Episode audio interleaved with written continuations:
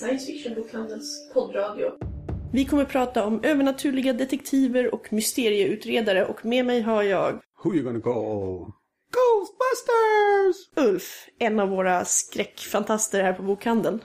Det finns ju en eh, hel avdelning som heter Urban Fantasy som till stor del innehåller just mysterier och eh, ja, deckarhistorier med mer eller mindre mängder romantik. Jag, jag, alltid, jag föredrar uttrycket contemporär fantasy för att ska man petig så betyder urban fantasy fantasi i storstadsmiljö. Och det är inte alltid det urban fantasy, men den är då satt i modern tid. Det är lite luddigt. Man kan ju nästan dela in det i småstadsfantasy som en egen genre och ute på vischan fantasy som cirkeln. Ja, men då blir det så himla svårt att sortera i hyllan. Så. Se även steampunk-problemet. Ja. Science fiction, fantasy eller skräck. Men våra deckare befinner sig vad jag vet nästan allihop i storstäderna. Det är mycket London, men även Amerikas storstäder. Och vi har i det här programmet en intervju med Jim Butcher som har skrivit Dresden Files. så himla bra! Ja, jag skulle ju säga det. Jag tror det är den mest populära och mest kritiskt uppskattade av alla ja, paranormala utredare.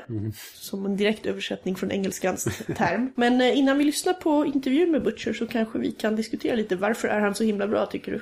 Det är kombinationen av eh, det här tydliga arvet från så här gammal, eh, och nu blir jag litterärt jobbig, så här gamla deckare, första persons deckare, så typ Dashiell Hammett skrev. Eh, där det är verkligen, det är lite, det är lite dystert och det är liksom regnar ofta, folk har trenchcoat och sto, stor hatt och liksom står, står och muttrar surt på en gathörn. Liksom. Hela den känslan får han med.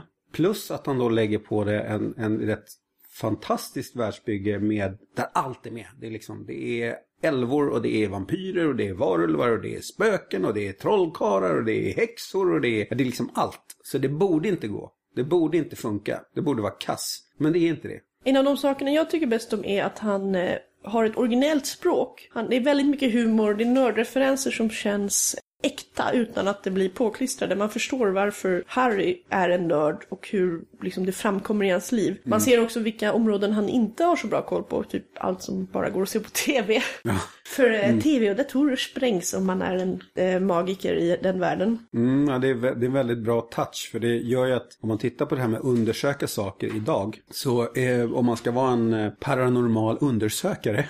Så skulle man ju förstås använda datorer och mobiltelefoner och allt sånt. Men genom det där väldigt enkla greppet som han kör på konsekvent. Att magiker, magi förstör teknologi. Framförallt ju mer man tar i med magi desto mer teknologi går sönder. Gör ju att- nyare teknologin är desto mer går den sönder. Alltså Ja. är alla datorer här stenkörda. Ja, och det, det gör ju att då blir, för då kan man fortfarande ha den här spänningen att han inte, han kan inte bara gå in och göra en Google-sökning. Liksom, utan han måste verkligen iväg och vara en så kallad gumshoe som det heter. Så här, ge iväg och verkligen så här, trampa på trottoaren och, ge iväg och prata med någon direkt och sånt där. Och det, det gör det att det får kvar den här liksom 50-talsvibben utan att det blir konstigt. Plus det här som du sa, just att det märks att Jim Butcher är en nörd. Eh, och att han flörtar väldigt, väldigt, väldigt, väldigt mycket med läsaren. Ja, eh, och också med ja, hela noir-stilistiken. Det utspelas ju i Chicago. Det finns naturligtvis gangsters och de är så väldigt klassiska gentleman gangsters och det är inte sant. De kunde kommit ur vilken film som helst. Jo, men just att han har, eh, han är väldigt bra på att leka med de här klichéerna så att vi känner igen grejerna direkt, så vi får en referensram och sen så ibland och inte för ofta så gör han en twist på dem efter ett tag. Där plötsligt hela karaktären blir jätteverklig fast den kommer från en sån liksom så kallad paper cutout, ett väldigt tvådimensionellt bakgrund egentligen. Eh, och det finns många, det är svårt att prata om de här utan att spoila och det är viktigt om man inte har läst dem. Ett bra insidertips är att inte läsa på baksidan av böckerna. För att har du bara läst två och börjar läsa på fram, framöver så kommer du få reda på saker som händer. Så att läs dem bara. Det är bättre. Några av de teman jag vill ta upp bara som jag tycker man kan prata om utan att spoila och som är en bra kontrast mot många övernaturliga deckare, kanske deckare överhuvudtaget som inte lyckas så väl, är hur eh, hårt Butcher putchar på konflikterna. Vi har eh, i början framförallt eh, stora kommunikationsproblem med Chicagos polis för det finns en massa hemligheter, skrivna och oskrivna regler om den magiska världen. Och polisen tycker inte om när du dyker upp någonstans och det är fullt med lik överallt. Och du inte berättar något och säger nej, det, alltså jag kan inte det för din skull, jag tycker om dig men. Och det är inte bara, hur ska jag säga, ett ytligt problem. Det är inga Poirot-mord och inga visor att de har en, en vänlig beskyddare som bara ja, ja, det här ordnar sig. Utan det är ett, en djup konflikt mellan Harry och flera av hans vänner i flera böcker som både han och de omkring honom måste liksom utvecklas och arbeta med. Mm, och, det, och det är väldigt naturligt, naturlig utveckling av det. det är, han är jättehemlig mot sin bästa vän från början. Men väldigt naturligt så blir det till sist så att han måste berätta. Och det hade varit jättefånigt om han inte hade gjort det. Så att det är många sådana karaktärsutvecklingar i hans böcker som saknas i många andra serier. Mm. Och de är, de är väldigt jag blir glad varje gång de händer. Ja, eh, och Harry är ju inte en perfekt figur heller. Han är liksom inte den smartaste, snyggaste, hunkigaste överallt. Och han faller tillbaks i sina dåliga vanor ibland och mm. han blir paranoid och han råkar ut för himla mycket eh,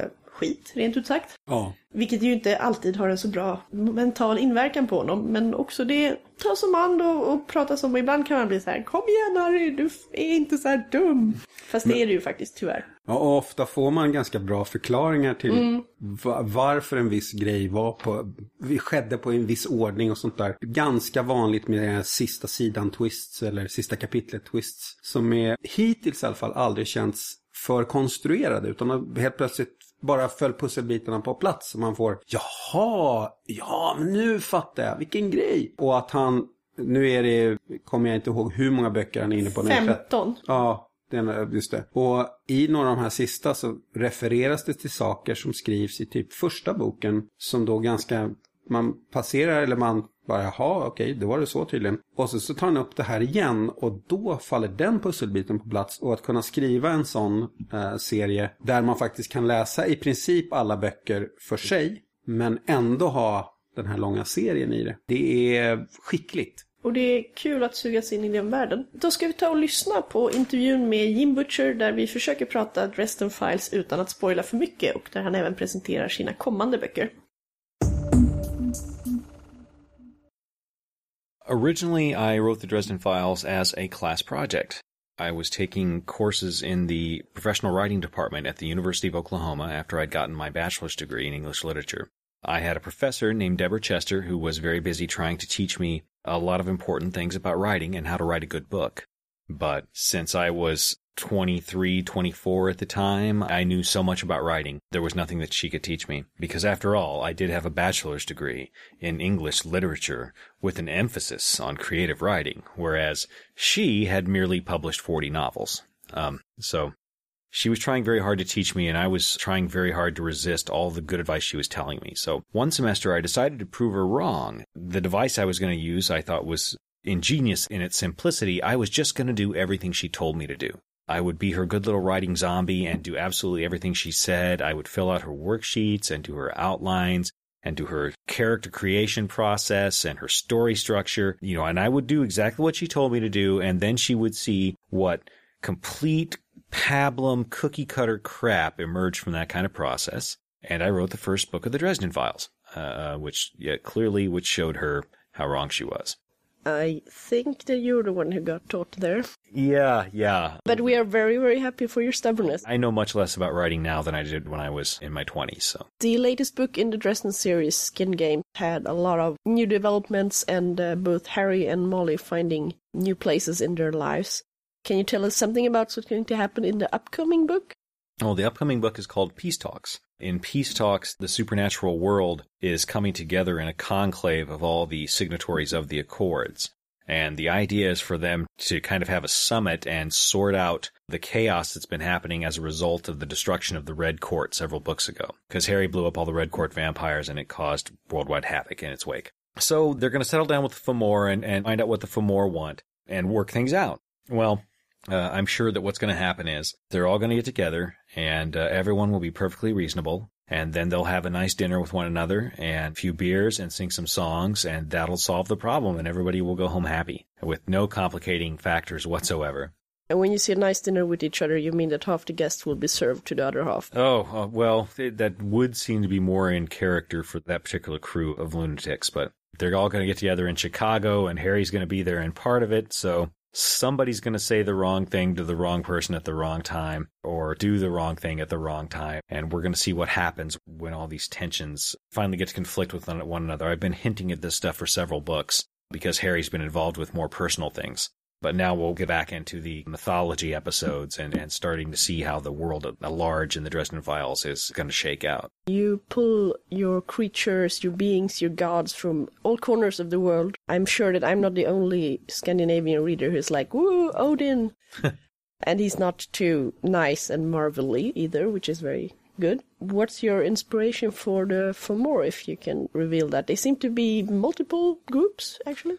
When I first sat down to start writing the Dresden Files, one of the things that I wanted to do was I wanted to be sure that the attitude I had whenever I came across any kind of cool folklore, cool mythology was not why doesn't this fit, but how can I make this fit? How can this be a part of the world? I wanted it to be an inherently inclusive story world so everybody's legends are equally valid and could take part and participate in the story of this giant magical world that's going on in the Dresden Files basically when I find something that I think is really amazing or that I think is really compelling, I want to grab that and say, okay, how can I make this into part of the Dresden Files story? How can I use this really cool facet? How can I use Valkyries in the Dresden Files story? How would that work in? And now that I'm using Valkyries, well, how can I work in some of the other elements of the Norse gods? And from there on, things just started growing. You seem to write fairly organically, things grow. Did anything surprise you during the writing? The overall story, like the overall shape of the story in terms of of how the, the universal conflict is playing out in the Dresden Files, of how it progresses, that's been pretty stable according to my outline that I did when I, I first put the series together. And at this point, I'm a little bit superstitious about varying from the outline because it's so not broken and I don't want to go fix it. That said, there are several things that have surprised me as I've gone along the way because if you only write to the outline, you never leave room for inspiration to strike because occasionally it will. I think it's it's one of the key abilities of uh, an author needs is to be able to tell the difference of when he can ride that inspiration and create something cool and new that he wasn't expecting and when he's writing it into a wall and needs to stop and go look at where he is. The biggest thing that I didn't want to write out ahead of time was Harry Dresden's love life. I wanted whatever happened in the romantic department to be something that grew naturally within the story. You know, when I created Karen Murphy as a character, I mean, she was initially created as a minor villain. She was often opposed to Harry Dresden, and that was her part in the story.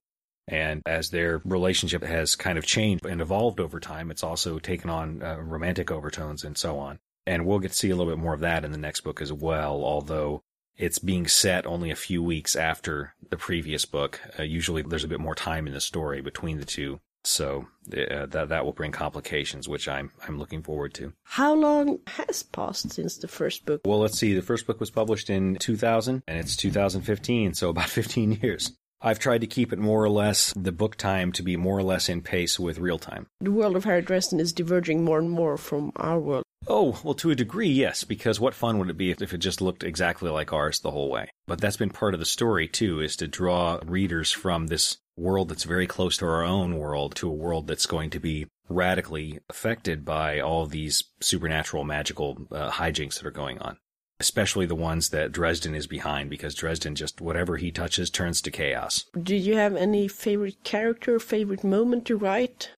A moment that really, really surprised me and how and how much it affected me was the first time Harry talked to Maggie, the first time she was looking at him and talking to him. Because he'd saved her a couple of books before, but she'd pretty much been an object, maybe something about as, as significant in, in emotional terms as a puppy he really, really needed to rescue because he didn't know her.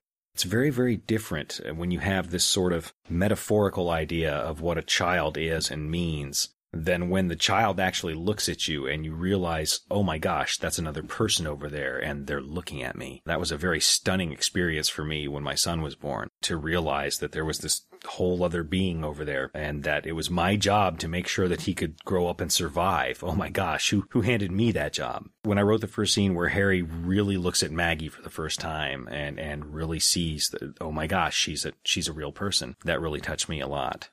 You're also working on an entirely different series, which was, I heard downstairs, a steampunk opera. I wanted to call it a steam opera because it's really the, the the kind of story I'm going for is, is along the lines of a space opera, but it's not happening in space. It's happening on, on a world with, with airships and so on. And so I wanted to call it a steam opera. And my editor said, you can't just go making up new genres, Jim. And I'm like, oh man. So it's a steampunk. It's not a steam opera. I believe they're going to be releasing some chapters of it at uh, Chicago Comic Con. The actual book will be out in October. Book itself is, it's set in a world where the surface of the world is a very dangerous place to live. And so most people don't live there. They live in these enormous, uh, almost indestructible black stone towers called spires. All travel, all commerce, all, all trade is done between spires on airships that fly back and forth between them. So airships are extremely important to the, the way their world works. Two of the spires, uh, Spire Albion and Spire Aurora, uh, are preparing to go to war with one another. And they're sort of in the opening stages of that. The monarch of Spire Albion, the Spire decides that he needs an action team. So he starts assembling a team of these unique personalities that he finds within his Spire in order to give Albion as much advantage as he possibly can in, in the opening moves of the war. So there are a number of characters that, that he goes and recruits. He recruits a down on his luck privateer who had been so successful that the enemy sent a, a battle cruiser to hunt his ship down and nearly blew him out of the sky. He, he works with basically a princess of the Spire, the daughter and heir apparent of one of the most powerful houses in it. He works with uh, etherealists. The airships are driven uh, not only by steam technology, but by uh, this crystal technology that is intrinsic part of the world. Light is generated by crystals. Heat is generated by crystals. You use crystals for propulsion. You use crystals for buoyance to, you know, to hold the ship up. You use crystals for weaponry, you know, for releasing and projecting energy at your enemies. You use crystals for all this stuff. And they're called etherite crystals. So their technology that's based around them is called etheric technology and you have etheric engineers to manage it. And then you have, way over in the other end of the spectrum, you have etherealists who are somewhat like etheric engineers, but they just skip all the troublesome part in the middle where you have to build a machine to make something happen. And they just make things happen using these crystals. Uh, so they're effectively wizards, but doing so has horrible effects upon them psychologically. So they're all, they're all a little bit wacky. The one who's wandering around and bumping into walls and, and mumbling to people who aren't there, that guy's probably okay. You know, he's, it's probably alright to hang out with him. The etherealist who is dressed neatly and smiling at you and inviting you, won't you please come to tea, is somebody that you need to be scared of because that's Hannibal Lecter over there. There's something badly broken in that person that it doesn't even show on the surface. So he has an etherealist and an etherealist apprentice who are along for the ride. You know, I would I would love to tell everybody that the pacing and the plot of this series is going to grab a lot of people's interest. I would love to say that the the world itself I think is really interesting and it's gonna is gonna grab a lot of uh, a lot of attention. I would love to say that people are going to love the characters and the way they interact with one another. But uh, at the end of the day, they're going to like the books because the books have talking cats. I've accepted that in my heart that that's what's really going to sell these books is the is the freaking cats. They're a part of the story kind of came up all by themselves as I was writing, and then after that they took over the way cats do. The cast around Harry, his his pets, his friends, his frenemies, are part of what makes the Dresden Files so invigorating. How did you come up with all these characters? Were Oh, I mean, almost every single one of them uh, was there because there was a, a specific point of plot that I needed them to push. Marcone definitely was somebody who was there as kind of a side villain to add additional pressure onto Dresden because I was writing a film noir private eye novel. It just happened to star a wizard instead of a PI. Practically a staple of that genre is the gangster who shows up and tells the PI, don't get involved in this case. It won't be good for you. You'll be wearing cement overshoes. And so that was initially where Marcone started. And then as I developed the story and developed it into a story world that I wanted to be many, many books long, I started thinking, okay, I need to start taking it more seriously. What's going to drive a man to do something like this? It couldn't just be greed because greed is a very understandable motivation, but it's not a powerful enough one to get you to really start to cross some of the more powerful beings that are in the Dresden Files world because they're, they're nightmarish. Marcone had to be more than that. And so he started developing into more than that even Molly just kind of started off as uh, some lighthearted comedy relief. Then, as I realized, oh, wait a minute, this is his apprentice, I realized about halfway through the book, because I knew he was going to have an apprentice at some point, but I realized about halfway through the, the first book she was in, she was the apprentice, and that was in book five, Death Masks. Once I realized that, I was like, oh, okay, so now I can start setting her up for all these other things in the future and what's going to happen to her, and, you know, how is her doing her best to mirror Dresden going to be a very bad thing for her in many ways? You know, as their story arc has progressed, things have gotten better and much, much worse for her. I'm going to finish this interview interview with a question. Do you have anything to recommend to our listeners? For games, I'm playing way too much League of Legends lately. That game will eat your soul. For reading, I've read Benedict Jacka fairly recently. I think he's one of the better urban fantasy writers out there. He hasn't gotten a lot of attention, but he should. He's very skilled. I've been reading Larry Correa lately. Got to read the arc of his new fantasy series and just loved it. I've been rereading the Belgariad and the Priding Chronicles by Lloyd Alexander. Priding Chronicles are, are something I would encourage anybody who wants to write to go read because they're brilliantly crafted little books and they they don't take very long and and yet they they have clarity and depth and character and plot and everything you need in a story and they do it in a quarter of the space that most modern novels do.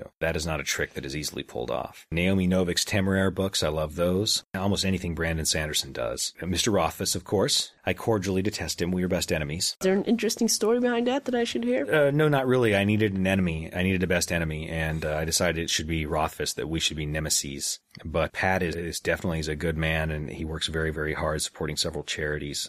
So, you know, naturally, me being a supervillain, I picked him. So when can we expect your charity supporting crossover story where Harry dressed beats oh. quote? Something like that. I'm a supervillain. I don't do that kind of thing. But Pat might come and challenge me someday, you know, to a duel of stories. Let's hope so. We'll see if it happens. Well, thank you very much for taking the time to come to our interview, and we are so happy to see you in the store. Oh, thank you very much for having me. I'll tell you what I what I think about Sweden is, is so far. I've been here about three hours, and I think Sweden has amazing game stores. Is what I think.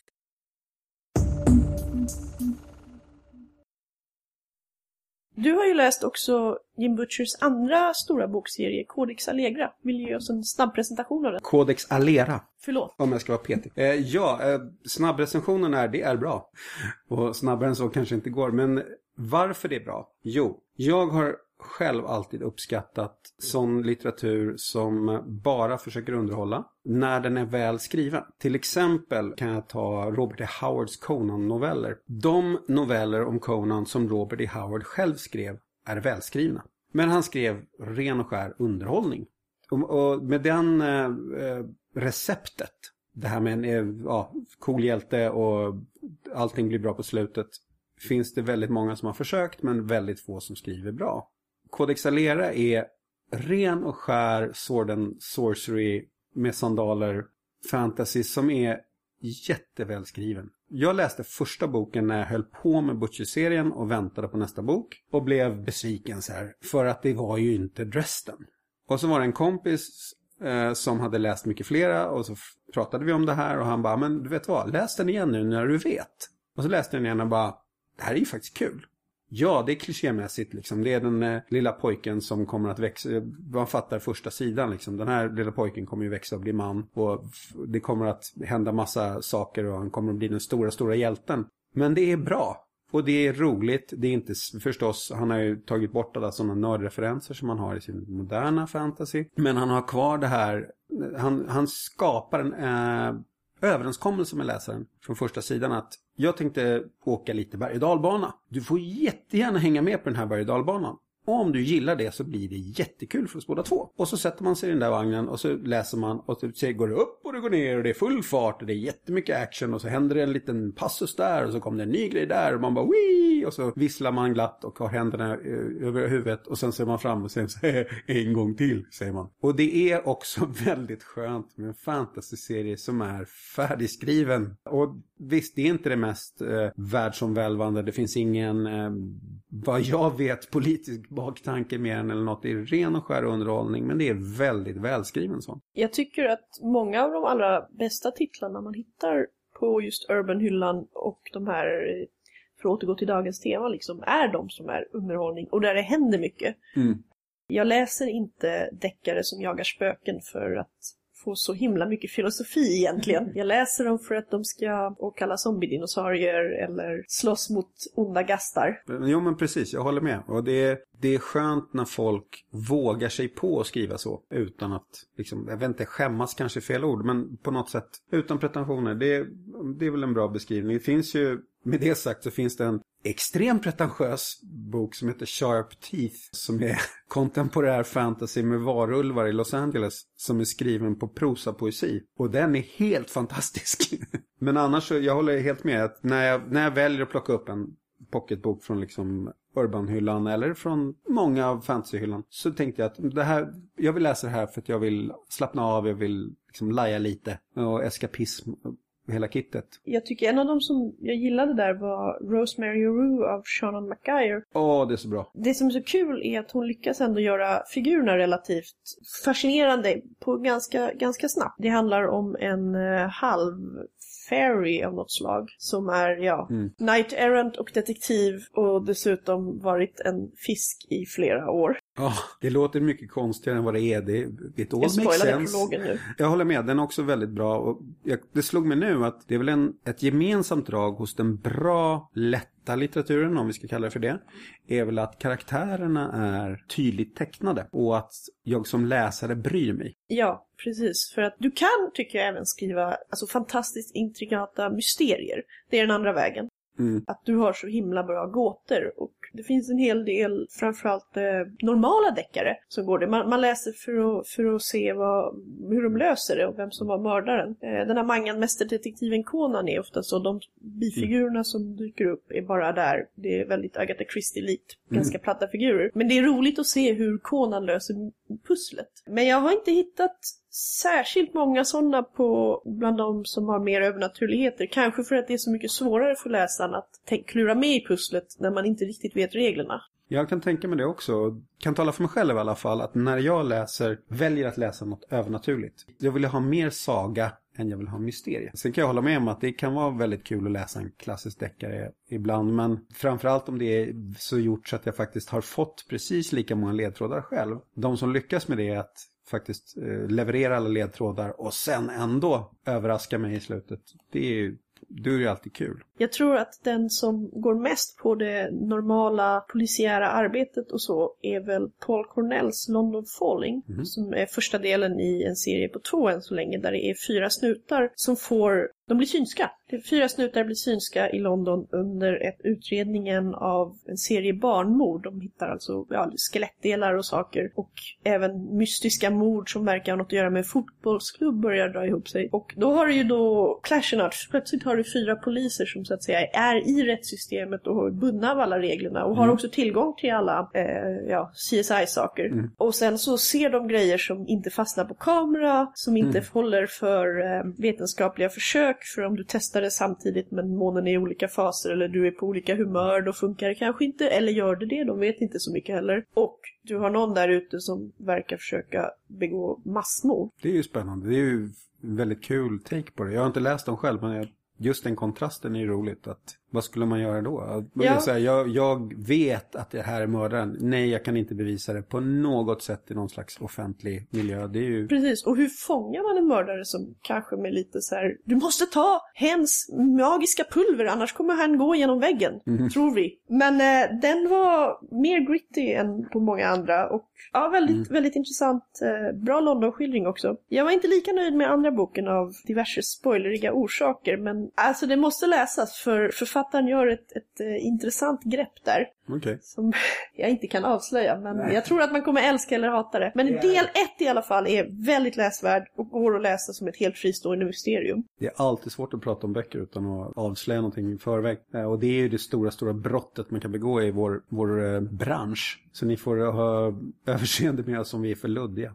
Jag tänkte på Mike Carys Felix Castor, hans böcker om Felix Castor. De är jättekul. De är roliga. Uh, väldigt egen världsbygge, ett mm. eget världsbygge skulle jag säga. Och hans sätt på hur uh, en exorcist hanterar spöken är väldigt, väldigt eget och väldigt bra tänkt. Alltså det funkar liksom. Ja, jag tänkte säga det. Trots att det är så unikt. De har alla individuella exorcister har ju sin metod mm. och eh, vår huvudperson använder musik på ett specifikt sätt. En flöjt! En, en eländig liten... Tin whistle tror jag. Ja, jag tittade på en bild. Det, var inte, det är inte ens en särskilt fancy flöjt. Nej. Men det känns väldigt naturligt. Mm. Det är det jag tänkte komma till. När, när det väl sätter igång så man bara ja, ja det här köper jag rakt av. Ja, men Mike Carey har ju vana att skriva sådana lite sådär gritty och sånt från sin... Han skrev en hel del Constantine eller Hellblazer. Den heter Hellblazer på riktigt. Ja. Konstantin i nya inkarnationer. Ja, det är sant. Men alltså Hellblazer är den riktiga serien. Som är, om ni inte har läst den serien kan man läsa den också. Började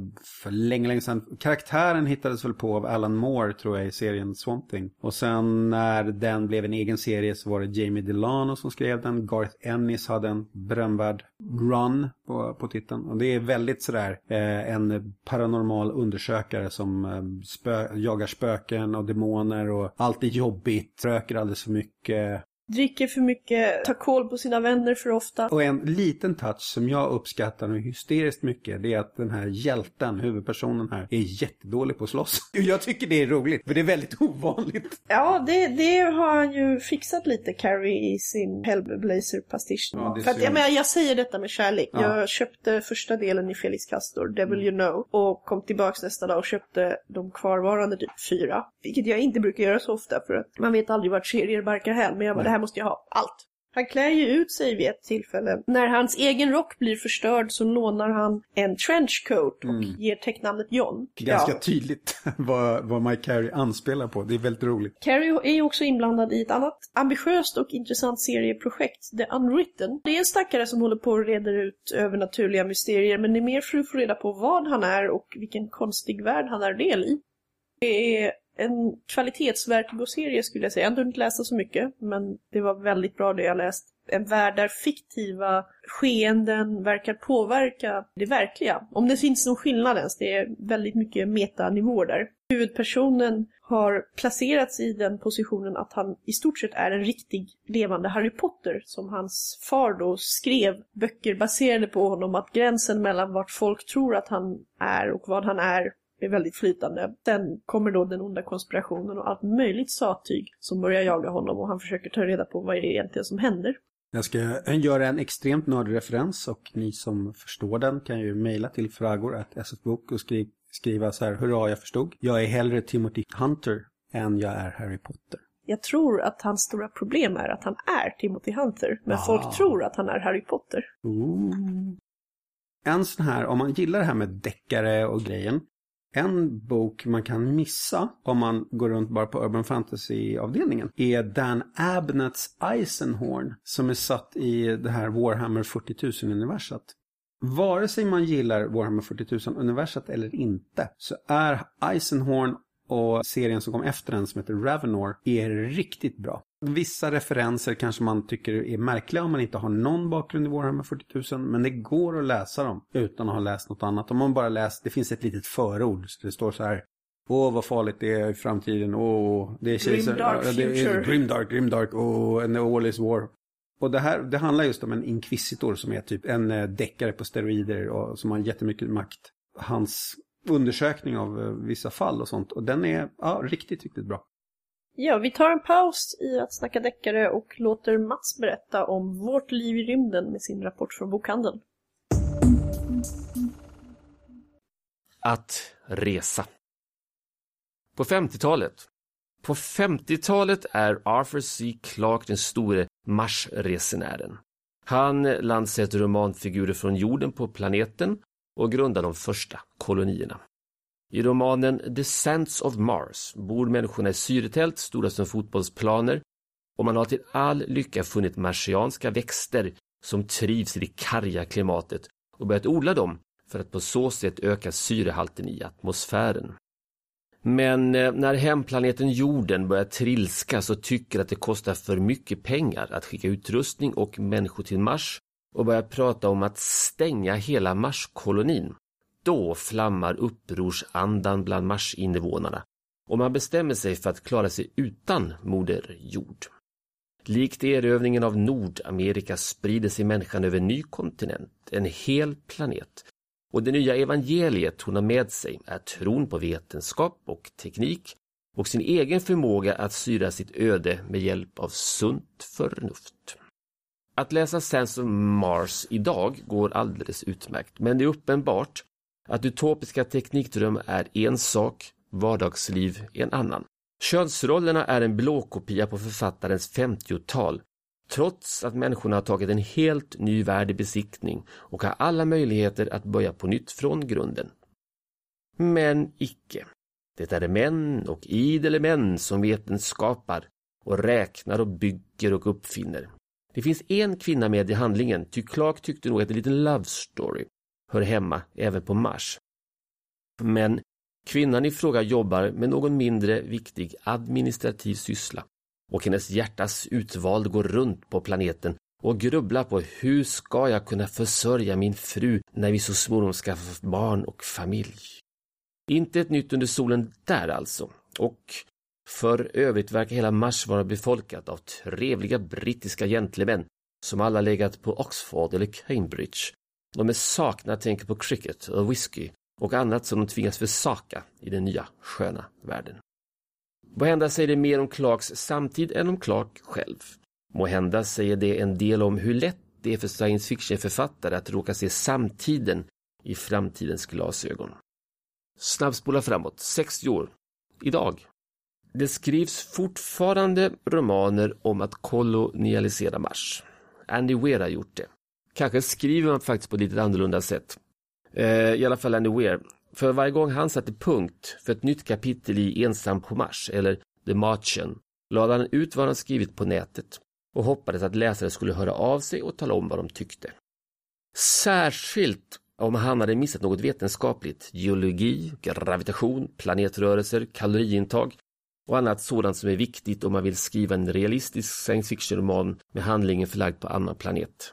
Till slut nådde han sista kapitlet och gav ut boken på eget förlag. Och där kunde författarbanan slutat, men boken plockades upp av ett stort förlag som förstod att de hittat något värt sin vikt i guld. Och eh, Ensam på Mars har sedan dess gjort succé världen över och kommer dessutom snart som film i regi av Ridley Scott.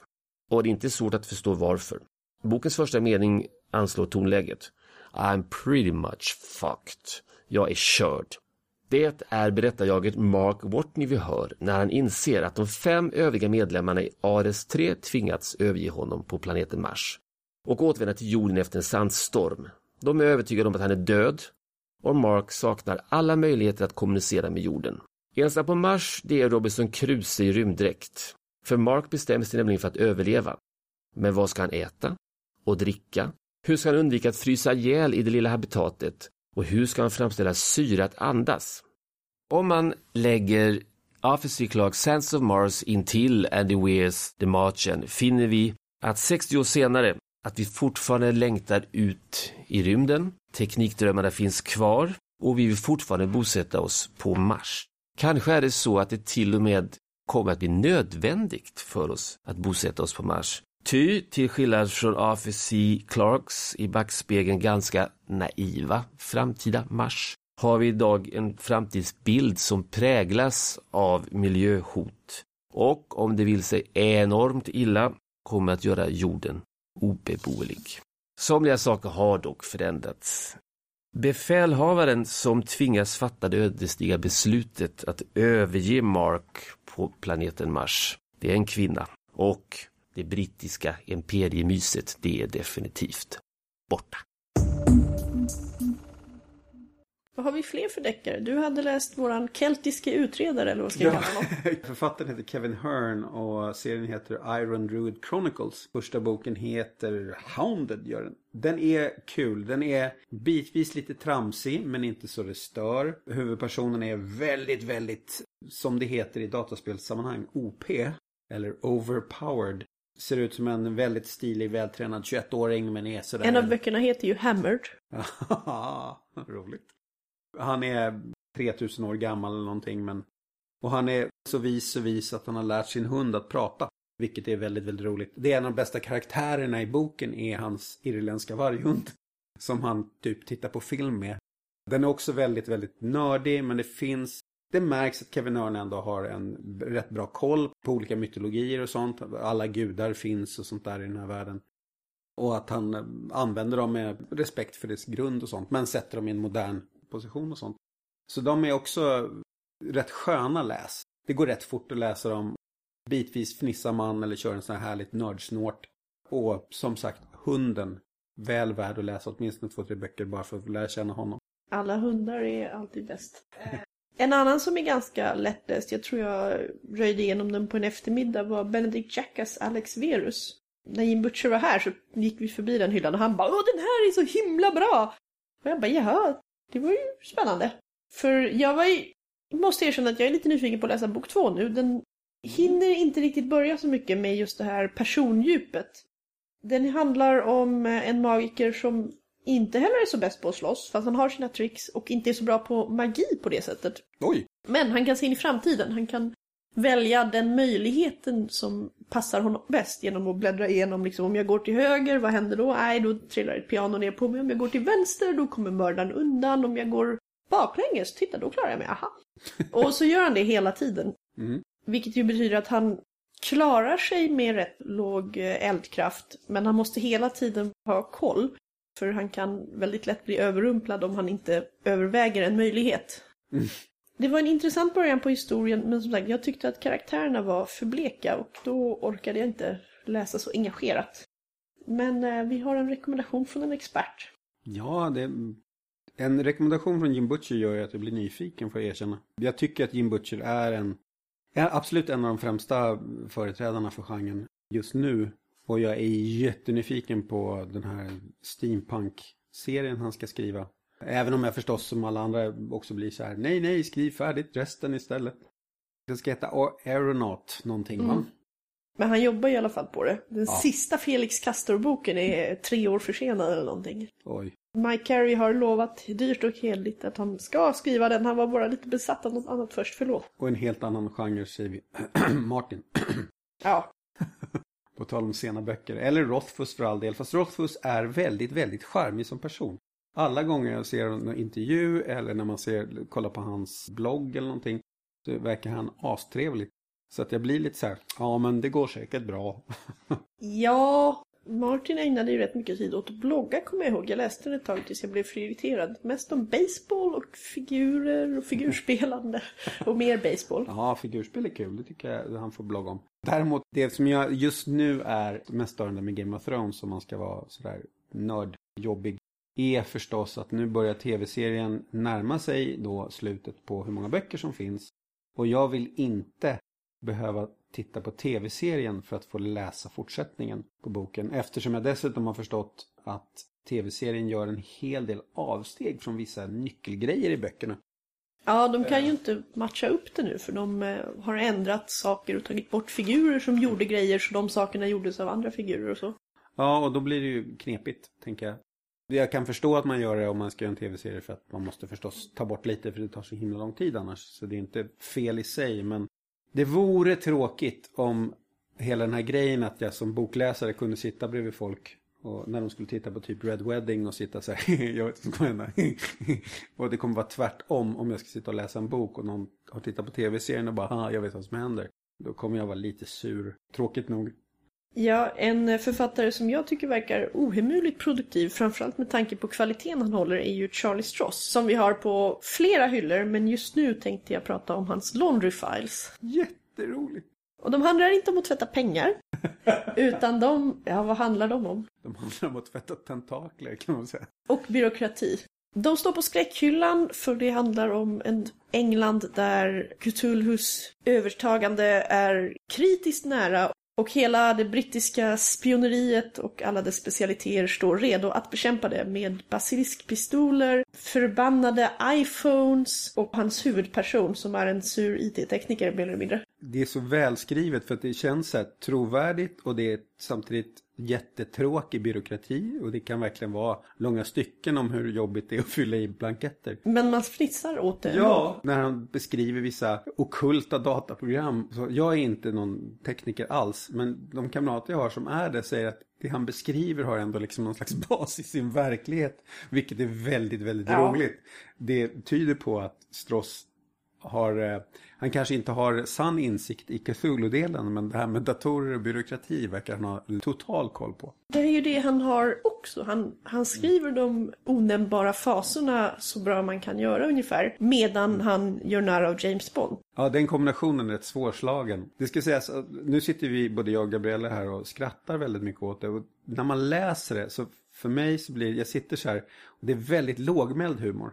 Det är inte så här Monty Python bisarrerier utan det är lite, så här, lite mellan raderna, lite så här sammanbitet, lite brittiskt, lite stiff upper lip. Så man sitter och så fnissar man lite och så plötsligt brister man ut i det där. det var kul.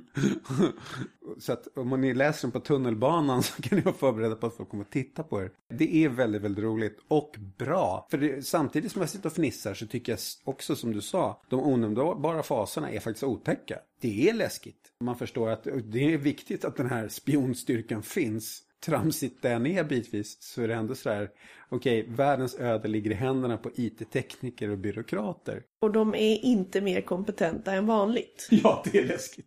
På tal om kompetenta utredare så ska Lilly få berätta om några spel där man själv kan ta på sig rollen och se hur duktig man är på att motstå Lovecraftianska fasor. Mansion Madness är garanterat ett av mina favoritspel när det kommer till de lite mer rollspelsinspirerade brädspelen. Och i Mansion Madness så är det en som spelar The Keeper och alla andra spelar Vestigators som ska överleva och lösa mysteriet.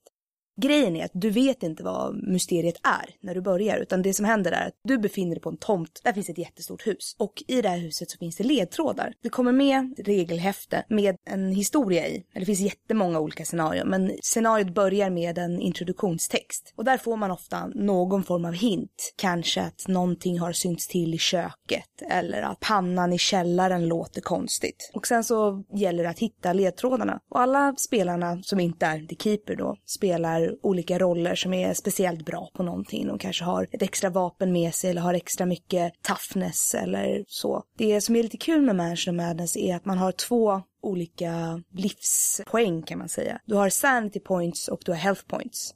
Och beroende på vad du råkar ut för så sjunker någon av dem. Ser du något väldigt läskigt så får du mindre sanity. Blir du skadad av någonting så får du mindre health. Och vissa karaktärer har ju jättemycket health eller jättemycket sanity men inte så mycket av den andra. Det som är roligt är att det inte alltid är bra att spela muskelberget liksom utan du kan verkligen ha användning för den visa gamla gubben också. Men då gäller det att ta sig till det här rummet då där man tror att man ska hitta ledtråden. Ibland så är det ju lite dubbeltydigt. Man kanske förstår att det är utomhus men man förstår inte om det är på gården eller om det är precis utanför huset eller där där taket har rasat in. Så då finns det olika ställen. Ibland måste man splitta och gå åt olika håll.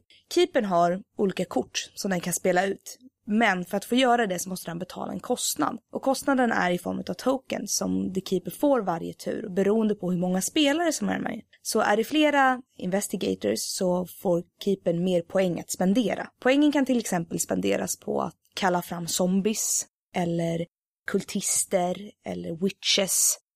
Men även få andra saker att hända. Lite beroende på vilken nivå karaktärerna är på. Till exempel om en investigator har väldigt låg sanity kvar så kan The Keeper spela ut kort som gör att den personen blir förrädare och går emot alla andra. Eller går ut och tar livet av sig bara rakt av. Spelet är turbaserat. Vilket gör att beroende på vart man befinner sig när klockan slår så vinner keepern eller så vinner The Investigators just den turen. Om man har lyckats hitta ledtråden då får keepern mindre bonusar. Men om man inte har gjort det så blir det jättejobbigt och då blir det mycket svårare att klara uppdraget sen. Så ju längre spelet går, desto mer får man reda på målet eller får reda på mer om huset. Och det finns två winning conditions. Det finns ett winning conditions för The Investigator, sen finns det ett winning condition för The Keeper. Och sen så spelar man tills någon vinner. Det är turbaserat så att det tar inte hur lång tid som helst. Ja, just det här med tid. Jag har hört uh, Sanity Points nämnas i andra Lovecraft-spel och en del av dem ska ju ta väldigt lång tid. Ja.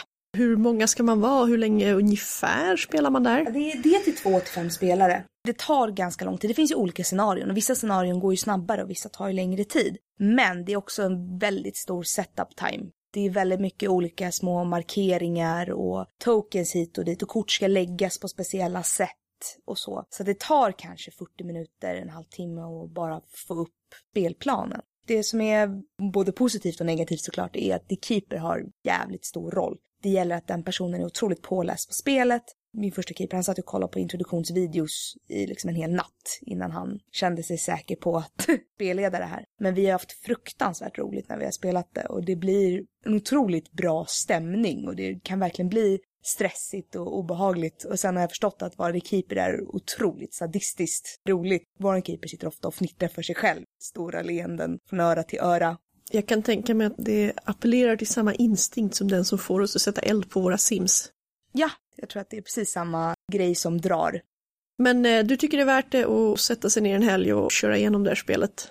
Absolut, men man ska vara medveten om att The Keeper får en väldigt tung uppgift och man måste ha någon, tror jag, som har väldigt mycket spelledarkunskaper eller tycker att det här är kul. Sen är, utspelar sig ju i Lovecrafts värld, så att det är ju klassiska monster och lite den här ironiska humorn emellanåt. Det är otroligt roligt.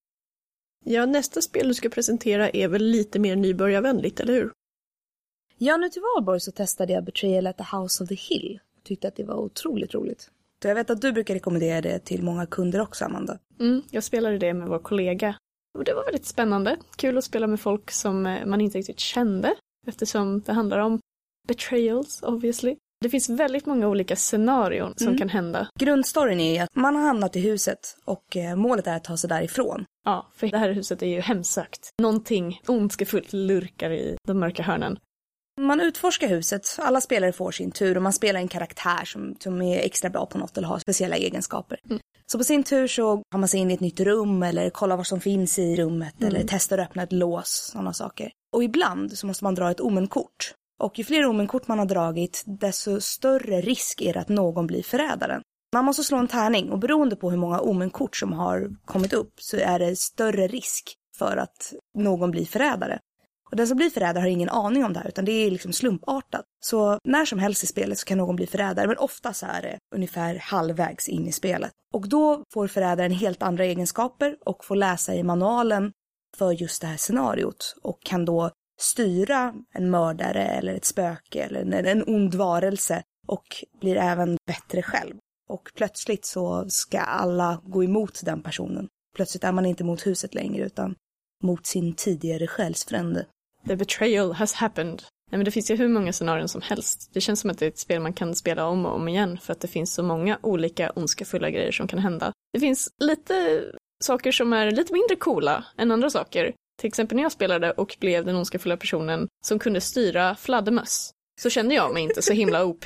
Men bara man satsade på att få koll på en person med den här fladdermössen så funkade det och jag kände mig ganska nöjd. Till slut så dödade de ju alla mina fladdermöss och de vann över mig. Ja, Men en person tog jag med mig i alla fall. det var bättre. Vi slaktade vår förrädare. Utan- vad hade den fått? Han fick en mördare som gick omkring plus att han blev bättre på saker också. Fick röra sig snabbare och sådär. Och jag hade ett på fladdermöss. Det är dåligt jobbat av den här mördaren måste jag säga. Men det som är lite roligt är också att huset är uppbyggt på olika våningar. Så att man börjar på någon form av mittenplan och så kan man ta sig ner i en källare och så kan man ta sig upp på övervåningen, även upp på vinden tror jag i vissa scenarion. När man går i olika rum så händer det olika saker också. Huset är ju hemsökt. Kommer man in i vissa rum så kan vissa saker hända. Att man ser ett spöke eller så. Men det som är väldigt kul är att det är otroligt mycket så här, samarbete och man får sitta och snacka ihop sig och ofta så går ju inte de här varelserna att döda med allting heller utan det gäller att du har speciella items som du kan hitta i vissa rum eller att du måste ha någon form av kombo. Så det är mycket sitta och prata ihop sig och gadda ihop sig. Grejen är att allting man säger måste sägas öppet så att förrädaren hör ju alla överlevares planer. Förutom första början, när förrädaren får gå bort. Ja, just det. Då har de en chans att här, slå sig ihop. Det som det här spelet påminner mig mycket om var Mansion of Madness förstås. Men skillnaden i Mansion of Madness är ju att där finns det en keeper som är liksom ond från början. Här är det ju någon som plötsligt får axla hela onda identiteten. Det är också väldigt kul. Det ger en verkligen chanser att rollspela med när man spelar det. Det är det, man ska ju spela med folk som faktiskt vill vara med om det här äventyret. Det är det mest roliga med det, att man kan sätta sig in i storyn och eh, verkligen vara karaktärerna. Och det är lite mini-rollspel. Ja, det är jättehäftigt och otroligt eh, lätt att bygga upp en bra spelplan. Alla bitarna funkar väldigt bra tillsammans. Hade du något avslutande tips på deckare som löser mysterier? Ja, Jag har ett tips om, eh, vad heter det, Special Forces-soldater som löser mysterier eller skjuter dem i små bitar och Jag stampar på det, resterna. löser de så mycket mysterier eller? Nej, de stampar på resterna gör de. Jonathan Mayberry har skrivit en serie, Joe Ledger. Första boken i serien heter Patient Zero. Det är egentligen, det ska vara så här verklighetsförankrat, för det är inget övernaturligt i dem. Men den biologiska teknologi som de här specialsoldaterna får kämpa mot är på en nivå så att övernaturlighet är bara ett pappersbredd därifrån. Och de är rätt balla alltså. Pratar pratade om James Bond förut. Det här är mera James Bondigt fast utan jättemycket special gadgets utan mer automatvapen och lite jävlar anamma.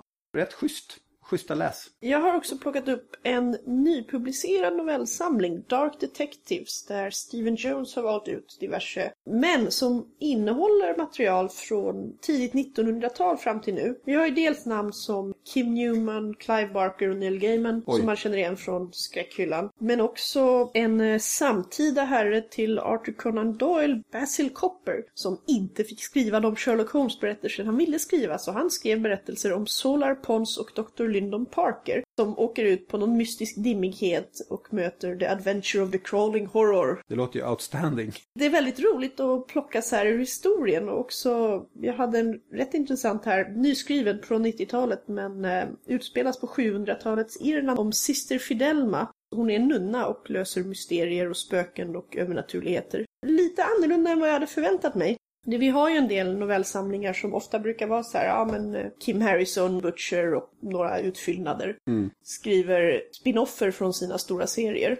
Det här var mer en eh, historisk resa över de som utreder mysterier som verkar vara övernaturliga, ibland är det, ibland inte, och som knyts ihop lite med en röd trådaktig novellserie av Kim Newman. Om jag förstått det rätt, en parallellvärld till hans Anno Dracula. Handlar om jakten på en förbannad egyptisk rubin och kanske kommer att förstöra världen. Kom på en sak. Jag har suttit här och pratat om massa paranormala undersökare och glömt ett par riktigt ikoniska sådana som vi kanske inte har så mycket av här i butiken. Och det är faktiskt Scooby-Doo. Just eh, Solar Pons slutet där, jag bara, nu var det väldigt Scooby-Dooigt. Det- Scooby-Doo är en sådär märkligt internationellt som väldigt många har sett och väldigt många har uppskattat. Och det är faktiskt, kanske inte så kul med skådisar, men det tecknade är fortfarande rätt kul. Sin ålder till trots och eventuella, ja man kan påpeka om könsroller och massa andra klichéer som förekommer. Men ändå rätt charmigt och väldigt mycket övernaturliga detektiver. Vi har ju i stort sett helt hoppat över allt man hittar på tv och filmsidan för det blir helt enkelt för stort. Men jag misstänker att Scooby-Doo i ära av ålder och antal avsnitt kanske får vara med. Ändå. Då ska vi avsluta från oss och lyssna på lite boktips från våra kollegor. Vad har du läst på sistone Gunilla? Jag håller precis på och läser den nya boken av pseudonymen James Corey, som är en pseudonym för Daniel Abrams och Ty Frank, som heter Nemesis Games och är storslagen space opera där saker ramlar ner på planeter, agenter smyger runt och spränger mecka rustningar med små sprängladdningar från omloppsbana och stjäl vansinnigt värdefulla saker ur hemliga installationer. Det låter spännande. Ja, det är gammaldags agentaction, men med hela universum som scen kan man säga. Och det här är fjärde delen i en serie, eller hur? Ja, om man inte har läst dem tidigare ska man nog börja med Leviathan Wakes. Så lär man känna besättningen på det lilla rymdskeppet Rosinante som spelar huvudroll. Men rekommenderas. Fartigt, roligt och inte så ansträngande för hjärnan. Har du läst något mer? Ja, dessförinnan så läste jag en bok som precis har kommit. Jag fick en förhandsex på The Waterknife av Paolo Bassigalupi. Ja, den har jag varit spänd på. Hans Ja. The Wind-Up Girl var väldigt spännande. Ja, och det här har lite samma tema kan man säga. Det är en klimatkatastrof som ligger i botten så att säga och har orsakat en kollaps och en sån torka i den amerikanska sydvästdelstaterna. Så det har utbrutit närmast inbördeskrig i Nevada, Arizona, Kalifornien. Och Las Vegas har då någonting som kallas Waterknives, en sorts agenter som deltar i det här smutsiga kriget. Det här är ju också en sorts agentthriller men helt annorlunda än Nemesis Games från Corey. Mer nedtonad, realistisk och med en inte helt otrovärdig bild av den amerikanska framtida sydvästöknen. Ja, jag tyckte The Wind-Up Girl var spännande miljöer, hur han arbetade med dem och det utspelade sig ju i Thailand. Ja, Men han blandade liksom det exotiska och det bekanta ur dystopier på ett väldigt bra sätt. ja, här tycker jag han har låtit de amerikanska delstaterna i sydväst kollapsa på ett bra sätt. Det är väldigt igenkännbart amerikanskt vardagligt och ändå vad händer om Texas börjar sätta upp stora gallergrindar och vägra flyktingar att komma in? Och vad händer om storbolagen får orimligt mycket makt? Det hörde de väl redan. Ja, Men, det har ja. de redan, men ja, Vi kan se vad som händer om de fortsätter. om det fortsätter i vektorns riktning så ser det inte alls bra ut. Vad har du läst Mats? Jag har läst Stjärnstenen av Jo Salmson. Och det är då en barnbok eller möjligen ungdomsbok. Det är nämligen så tråkigt tycker jag ibland i mitt liv att jag har vuxna barn nästan i alla fall. Så att jag får inte läsa, för jag läste alltid böcker. Jag hade ju världens koll på barn och ungdomsböcker. Och fick chans att läsa om alla klassiker och allt roligt. Det får jag inte göra längre, men då kan jag uppfinna det själv. Så att jag läser lite barn och ungdomsböcker ibland bara för att jag tycker det är kul. Och nu har jag faktiskt då läst Stjärnstenen Jo Salmson och eh, jag fick en tanke. Mhm. Jag föreställer mig att det kanske är extra svårt för författare som skriver fantasy för barn. Att det är extra svårt att skapa trovärdiga och flerdimensionella världar. Av nödvändighet kan ju inte författaren ägna allt för mycket sidutrymme åt att skapa en mytologi för världen. Eller ägna tid åt detaljer i miljöskildringen eller hitta på komplicerade magiska system och allt annat som nu fantasyförfattare brukar syssla med. Barnböcker brukar inte vara särskilt tjocka. Och så är det väl viktigt, måste väl rimligen vara att kunna snärja den lilla läsaren så fort som möjligt så inte hon eller han tröttnar. Det föreställer jag mig. Men får jag chansen att träffa Jo Samson så ska jag fråga något om den saken för att hon är jätteskicklig tycker jag på just att skapa en levande fantasyvärld.